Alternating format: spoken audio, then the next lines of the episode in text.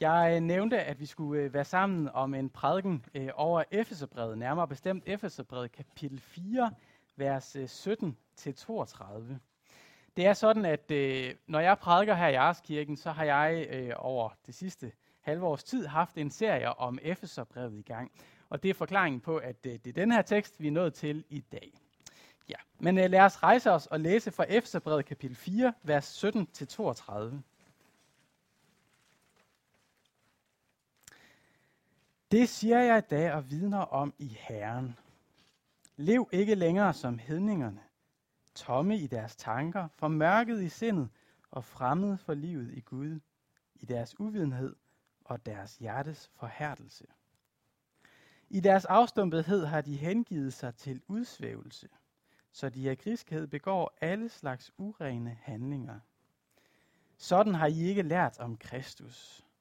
Så sandt som I har hørt om ham, og blevet oplært i ham, sådan som det er sandhed i Jesus. At I skal aflægge det gamle menneske, som hører til jeres hidtidige levnede, og som ødelægges af sine forføriske lyster, og at I skal fornyes i sind og ånd, og iføre jer det nye menneske, skabt i Guds billede med sandhedens og retfærdighedens fromhed. Læg derfor løgnen bort og tal sandhed med hinanden, for vi er hinandens lemmer. Bliv blot vrede, men synd ikke. Lad ikke solen gå ned over jeres vrede, og giv ikke plads for djævlen. Den, der stjæler, må ikke mere stjæle, men den, man skal tværtimod slide i det og selv frembringe noget godt med sine hænder, så han har noget at give af til den, der har behov for det. Intet rådent ord må udgå af jeres mund, kun et godt ord til nødvendig opbyggelse, så det kan blive til velsignelse for dem, der hører, som hører det. Var ikke Guds hellige ånd sorg, den som I blev besejlet med indtil forløsningens dag. Al forbitrelse og hissighed og vrede og råb og spot skal ligge jer fjernt. Ja, al ondskab.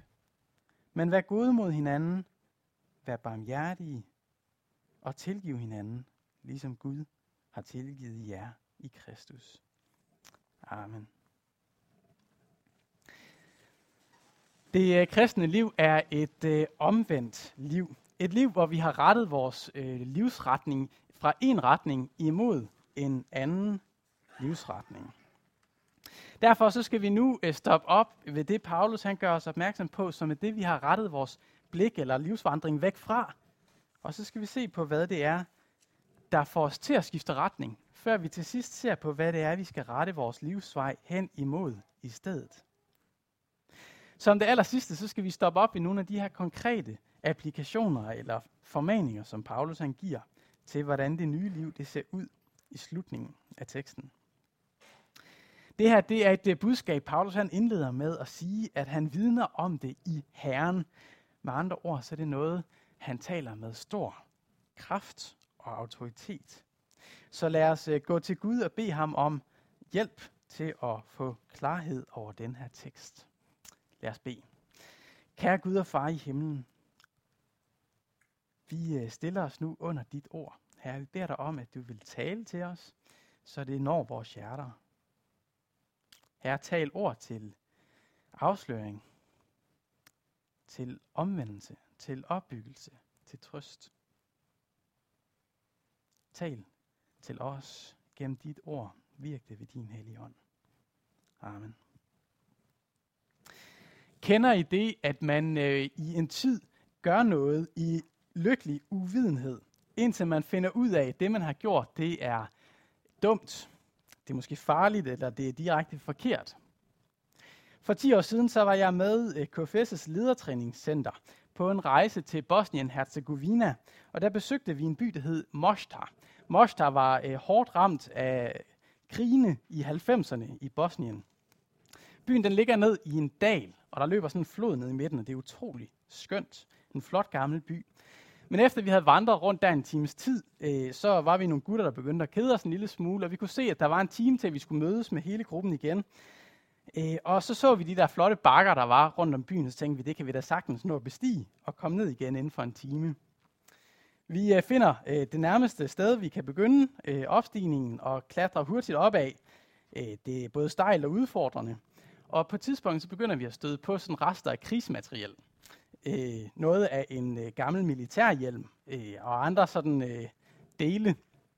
Og vi slår det sådan lidt hen med en øh, god joke om, at det, det var da dejligt, det ikke var granater i det mindste. Og så skynder vi os ellers videre op. På vejen hjem kan vi godt se, at vi var alt for sent på den. Så da vi øh, når ned en øh, lille time efter øh, det tidspunkt, hvor vi egentlig skulle have mødes, mødtes med de andre på, så finder vi dem og kan se, at de er sådan lidt blege i ansigtet og fulde af bekymring.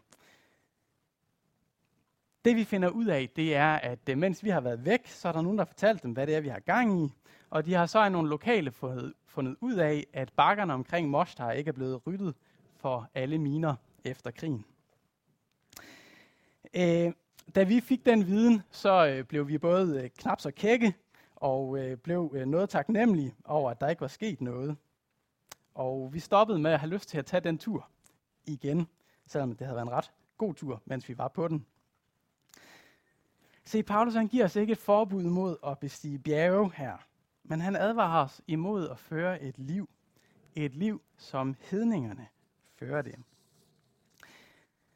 Hedningerne, det må vi øh, her forstå som de folk, de mennesker, som ikke kender Bibelens Gud, og som ikke vandrer med ham i deres liv, som ikke lever efter hans vilje, ikke har Jesus som deres frelser. Hvorfor er det så, at vi, der tror på Jesus, bliver advaret imod at leve ligesom de andre? Hvad er der galt med at leve ligesom alle andre, som hedningerne? De ikke kristne. Paulus han uddyber og giver os tre begrundelser. Han siger for det første, fordi de er tomme i deres tanker. For det andet, fordi de er formørket i sindet. Og for det tredje, fordi, livet, fordi de er fremmede for livet i Gud. Jeg ved ikke, hvordan du øh, hører de øh, sætninger, når jeg læser dem umiddelbart. Øh, for mig lyder de ret provokerende. Det kunne jeg måske især forestille mig, at de var, hvis du sidder her i dag, og du ikke selv lever med Jesus. Hvad er det egentlig, Paulus han mener, når han siger det her? Han nævner det her med, at de er tomme i deres tanker og formørket i deres sind. Hvad skal det betyde? At man er uintelligent, at man er dum, hvis ikke man tror på Jesus? Eller hvad? Øh, ganske vist så er vi nogen, der spenderer øh, måske lidt for meget tid ind imellem øh, på at se fodbold. Men jeg tror ikke, det er den slags tomhed, Paulus han her refererer. Så hvad er det for noget, han tænker på? Jo, jeg tror, ordet tomhed bedst forstås sådan, at det er, når noget det bruges imod dets egentlige formål. For når vi kigger rundt i samfundet, så er vi jo faktisk omringet af enormt intelligente mennesker, som bruger deres gudsgivende intelligens til alle mulige imponerende formål. Nogle, nogle de skriver imponerende PUD'er eller laver forskning. Nogle de filosoferer og analyserer. Nogle de laver geniale opfindelser og produkter. Og andre bruger deres tankemæssige ressourcer på at tage godt hånd om børn og syge og udsatte mennesker. Og man kunne fortsætte. Så hvorfor er deres tanker tomme? Jo, fordi menneskerne de ikke tager deres afsæt i, at de selv og hele skaberværket er skabt af Bibelens Gud. De er tomme, fordi mange af bestræbelserne, de gør sig, gøres for at undgå døden, for at retfærdiggøre vores værdi, for at fremstå imponerende. Og det var ikke det, Gud han gav os vores intelligens til. Den fik vi givet for at blive fyldt af undren over Guds storhed og skønhed, sådan som den afspejles i hans skaberværk. Han gav os den til at forvalte og underlægge os jorden som hans ambassadør. Han gav os den ikke til at indtage verden, som var vi Gud selv eller til at sætte os selv i centrum for skaberværket. Så hvis et menneske ikke først og fremmest lader sine tanker flyde ud af en verdensforståelse, hvor Gud er altings oprindelse, og at han er altings retmæssige herre, og hvor vores identitet flyder ud af, at vi er skabt af Gud og frikøbt af Jesus til at tilhøre ham som Guds børn, så er vores tanker tomme uanset hvor meget godt de ellers er fyldt af. For de skyder simpelthen forbi deres formål. Og så er det ligegyldigt, hvor mange PhD'er du ellers skriver, eller hvor mange mennesker du så ellers hjælper. Jeg, jeg tror sådan set, at Gud han finder en stor glæde i en velskrevet Ph.D. eller i en uh, god tjeneste for andre mennesker. Men hvis vi vores sind og tanker ikke sigter efter det evige, efter det uforgængelige, efter Gud og hans frelse, så skyder vi forbi formålet. Og så er vores tanker og sind formørket. Ligesom vi er omringet af intelligente mennesker, så møder vi også ofte ordentlige mennesker. Mennesker, som fremstår flinke omkring os, men som ikke kender Jesus. Og, og mennesker, som vi hurtigt kan tænke, de her øh, ord er malplaceret på. Hvis ikke vi forstod, at, at det at leve som øh, leve i overensstemmelse med sådan, som vi er skabt til, det er at tage livet af Guds hånd i ydmyg tro. Og hvis ikke vi gør det, så tager vi noget ud af Guds hånd. Paulus bruger ordet grisk. Vi tager noget til os, som ikke er vores, selvom Gud gerne vil give det til os. Og på den måde så ærer vi ikke skaberen, giveren. Det er det, vi ikke skal. Det er det, Paulus advares imod. I stedet for så præsenterer Paulus os for det vendepunkt, der skal vende vores opmærksomhed imod noget andet. For hvad er det i sidste ende, Paulus han, øh, hvorfor er det i sidste ende, Paulus han bryder, byder øh, efeserne øh, at bryde med det liv, som hedningerne lever? Jo, han giver svaret i en person, nemlig Kristus. Vi kan ikke fortsætte med at leve sådan, som alle andre gør det, fordi vi har mødt Kristus, og det gamle liv er inkompatibelt med ham. Sådan har I ikke lært om Kristus, så sandt som I har hørt om ham og blevet oplært i ham, sådan som det er sandhed i Kristus. Sådan skriver Paulus. Det tidlige liv, det passer ikke længere til os, der har mødt Jesus. Lige så lidt som det vil passe til mig på ny at bestige bakken uden for Mostar, efter jeg var blevet gjort opmærksom på, at det var farligt. Vores øh, danske oversættelse, de har sat øh, ordet om ind, sådan at der står, øh, sådan har I ikke lært om Kristus. Egentlig så står der bare, sådan har I ikke lært Kristus. Med andre ord, det handler ikke bare om en viden om Kristus, men det handler om, hvem Kristus er, og den relation, vi har fået til ham.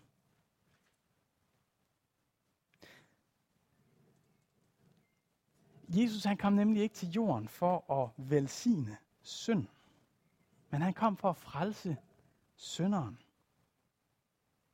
Han kom ikke selv for at tage del i synden, men han stod imod synden og levede syndfrit, uden at falde i fristelse. Han formåede det, som Adam ikke gjorde. Det, som vi ikke gør. Så hvis du i dag ønsker fællesskab med Kristus, og, og tro mig, det, det ønsker du, så kan du ikke både holde dit gamle liv i den ene hånd og holde Kristus i den anden. Du må vælge. Du må vælge, for ellers så bliver du med tiden revet midt over. Men hvis nu du sidder her i dag, og du ikke er kristen, du kender ikke Jesus, lever ikke med ham, og derfor er fanget i livets tomhed, i tankernes tomhed, som Paulus skriver det, så skal du ikke misforstå mig eller Paulus. Det er ikke sådan, at Kristus så ikke ønsker fællesskab med dig. Tværtimod. Nej, han kom ikke for at velsigne synden og anerkende synden, men han kom for at opsøge og frelse de fortabte. Og derfor så rækker han hånden ud i dag imod dig, for at hive dig op. Giv slip på det gamle, det tomme liv, og grib ud efter det evige liv i Jesus der er der liv i overflod.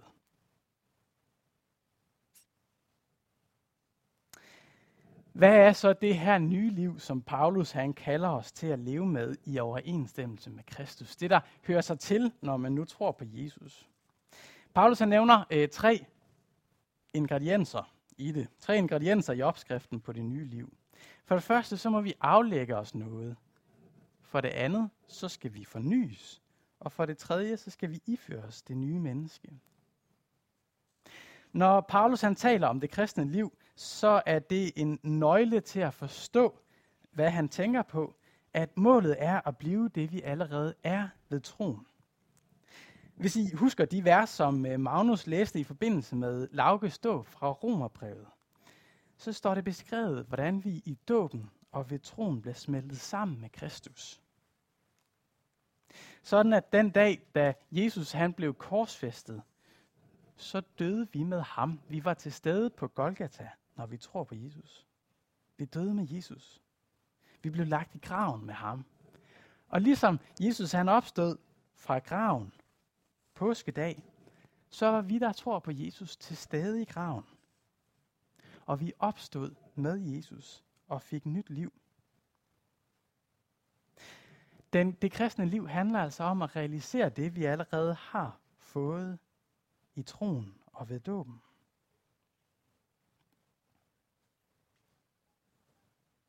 Du som tror på Jesus, i dig så er alt det, der står Gud imod, det gamle menneske, det gamle liv, blevet korsfæstet i dig.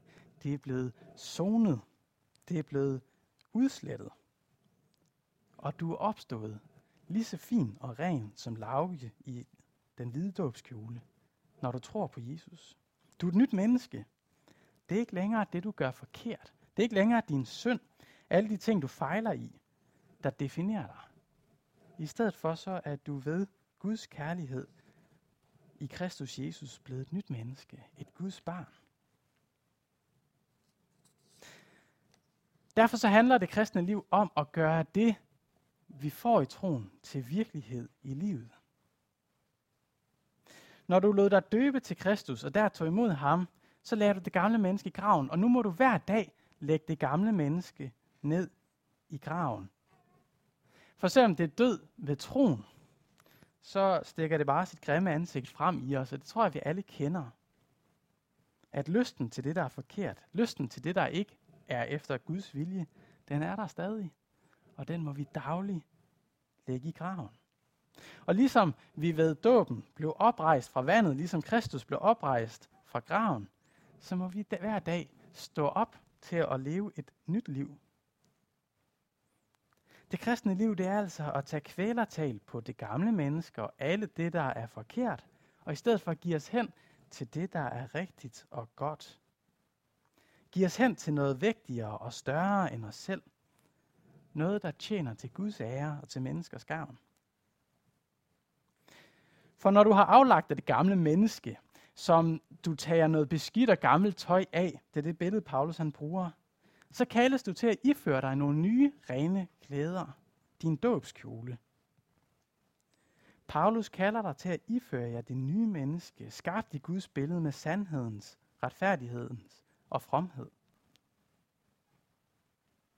Så i Paulus tøjillustration kan måske få det til at lyde sådan lidt let, bare sådan lige at tage noget tøj af og tage noget nyt tøj på.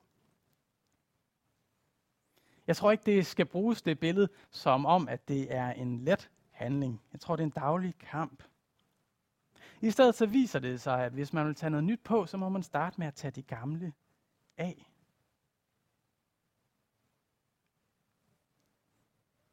Hver dag må vi stå op til at tænke, det her liv, den her dag, det er en dag, jeg har fået til at vandre med Gud. Leve efter hans vilje. Tjene andre mennesker. Sig Gud tak ved Kristus. En dag, hvor jeg kan få lov at leve i Guds nåde og kærlighed. Og vide, at han elsker mig. Hvordan det sådan kan se ud i praksis, det skal vi vende tilbage til lige om lidt, for Paulus gav os en række eksempler, vi skal stoppe op ved. Men inden vi kommer dertil, så, øh, så, så vil jeg bare lige talsætte noget. Når jeg læser det her, så kan jeg i første omgang komme til at opleve det som om, at der bliver lagt en stor byrde på mig. Altså, jeg ved godt, at øh, Kristus, han sonede synden for mig. Han døde i mit sted, og han gjorde alt det, der skulle til, for at jeg kan blive frelst og få evigt liv. Men betyder det så nu, at jeg nu skal til at gøre alt det, der handler om det kristne liv? Godt nok har Jesus frelst mig, men skal jeg nu præstere for at leve efter hans vilje? Øh, jeg kunne forestille mig, at I alle sammen er enige med mig i, at det vigtigste i en burger, det er bøffen. Og øh, derfor så skal vi lige prøve at stoppe op ved, hvad der er bøffen i den her tekst. For kaldet til at aflægge sig det gamle menneske, og kaldet til at iføre sig det nye menneske, det var brødet, der var på hver sin side. I midten så var der det væsentligste. Der står i vers 23, at I skal fornyes i sind og ånd. Jamen, er det ikke så bare endnu en byrde? Det er ikke nok med, at jeg bare skal aflægge mig det gamle og tage noget nyt på. Skal jeg nu også til at forny mit sind og min ånd? Alle jer, der ved, har prøvet at, at øh, ændre jeres tanker, ved, hvor svært det nogle gange kan være at styre dem. Blev byrden på ryggen ikke bare endnu tungere i vers 23? Nej, for prøv at lægge mærke til formen, den grammatiske form. Der står ordet fornyes. Ordet er passivt. Det er ikke dig, der skal forny dig selv. Det er imod, derimod dig, der skal lade dig forny. Det er Gud, der handler i fornyelsen af dit indre. Og det er ved den fornyelse, at du får kraft og styrke til at aflægge dig det gamle og iføre dig det nye. I uh, nogle af mine yndlingsbibelvers, så, uh, så siger Jesus sådan her i Matteus evangeliet. Kom til mig, alle I, som er trætte, og øh, alle jer, som slider her trætte og bærer tunge byrder, og jeg vil give jer hvile. Og så fortsætter han. Tag mit å på jer og lær af mig, for jeg er sagt modig og ydmyg af hjertet. Så skal I finde hvile for jeres sjæle. For mit å er godt, og min byrde er let. Hvordan kan en byrde være let? Hvordan kan en byrde være god? Fordi det er Kristus selv, der bærer den. Vedhæftet på den byrde, som Jesus giver os, der er en kæmpe heliumballon, der løfter den op og bærer vægten for dig. For Guds fornyelse, det er noget, han gør ved os.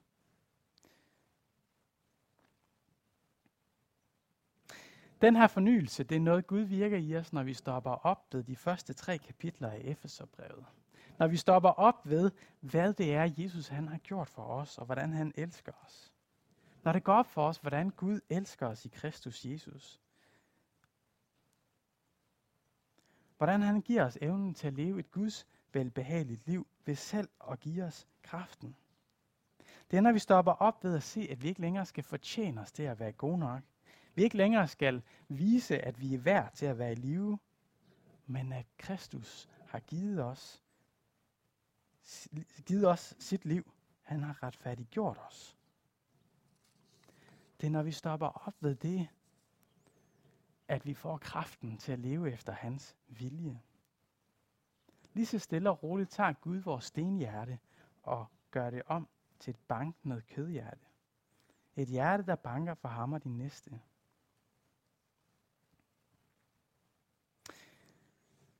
Et øh, væsentligt perspektiv, vi bliver nødt til at stoppe op ved, det er også, at det er en vedvarende proces. Der står ikke, at vi skal fornyes en gang for alle, for eksempel ved dåben, eller når vi bliver 10, eller 15, eller 31 år gamle. Men fornyelsen, det er noget, der sker dag efter dag efter dag, når vi stopper op ved Guds nåde.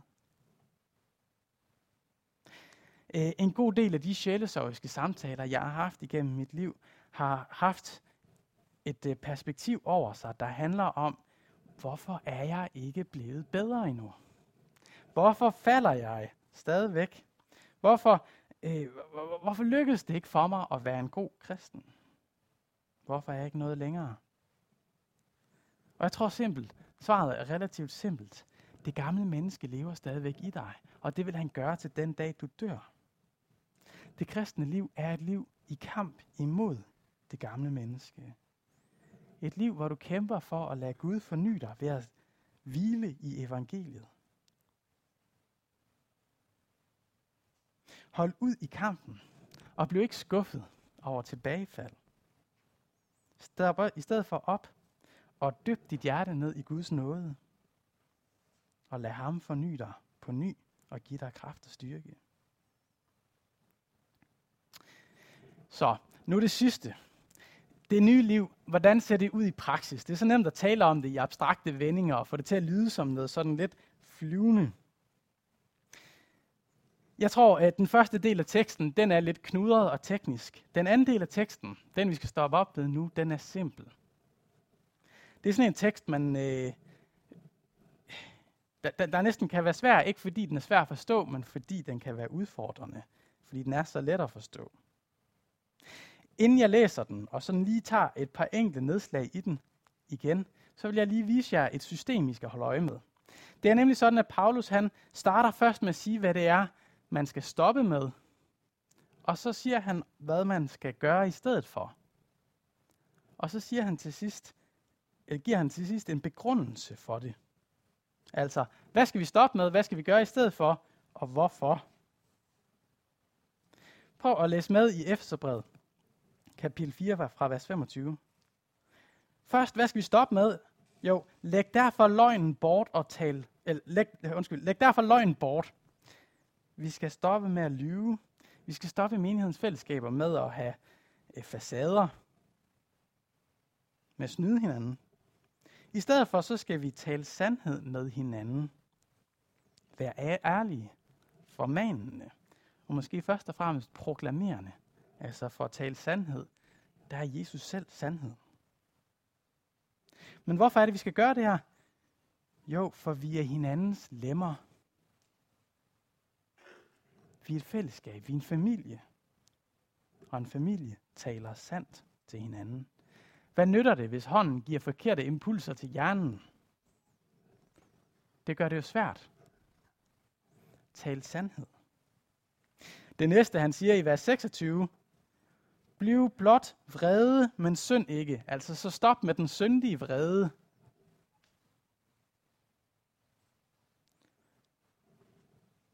Hvad skal vi så gøre i stedet for? Jo, i stedet for, så skal I ikke lade solen gå ned over jeres vrede. Når I bliver vrede, så gør jeg op med det. Tal ud om det. Hvorfor? Jo, giv ikke plads for djævlen. Hvis vi sidder på vores vrede og holder på den, og lader den leve i os og i vores fællesskab, så giver vi djævlen en plads, og han har ikke nogen plads herinde. Vi har forsaget ham. Han skal ud. Vers 28. Den, der stjæler, må ikke mere stjæle. Så stop med at tage andres ting. For den, der tager andres ting, er som et hul, der suger til sig. I stedet for, så skal I slide i det og selv frembringe noget godt med hænderne.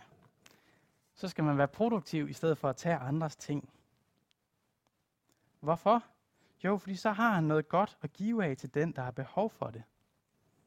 Og det her fællesskab skal ikke være et hul, hvor vi suger til os, men et overflod, hvor vi giver i overensstemmelse med det, vi selv har fået til andre.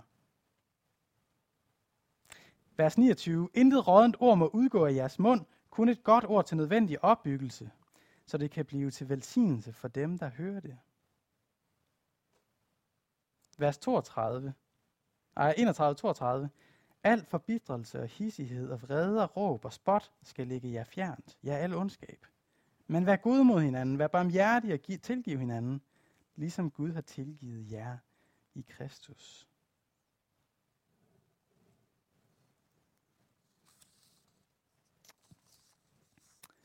Paulus slutter af med at sætte ord på, hvad der sker, hvis ikke vi gør det. Så volder vi Guds helligånd sorg. Vold ikke Guds helligånd sorg. Jeg tror ikke, det skal forstås sådan, at Gud så elsker os mindre. For han elsker os fuldt ud i Kristus Jesus. Men han kom ikke ned til jorden for at velsigne synden og lade os leve i den, men for at sætte os fri fra den. Kristus lagde ikke sit liv ned for dig, for at du skulle leve og bade i det gamle liv i synden, men for at du skulle blive frelst fra det, for at du skulle give dig hen til et nyt liv i tjenesten for andre mennesker til Guds ære.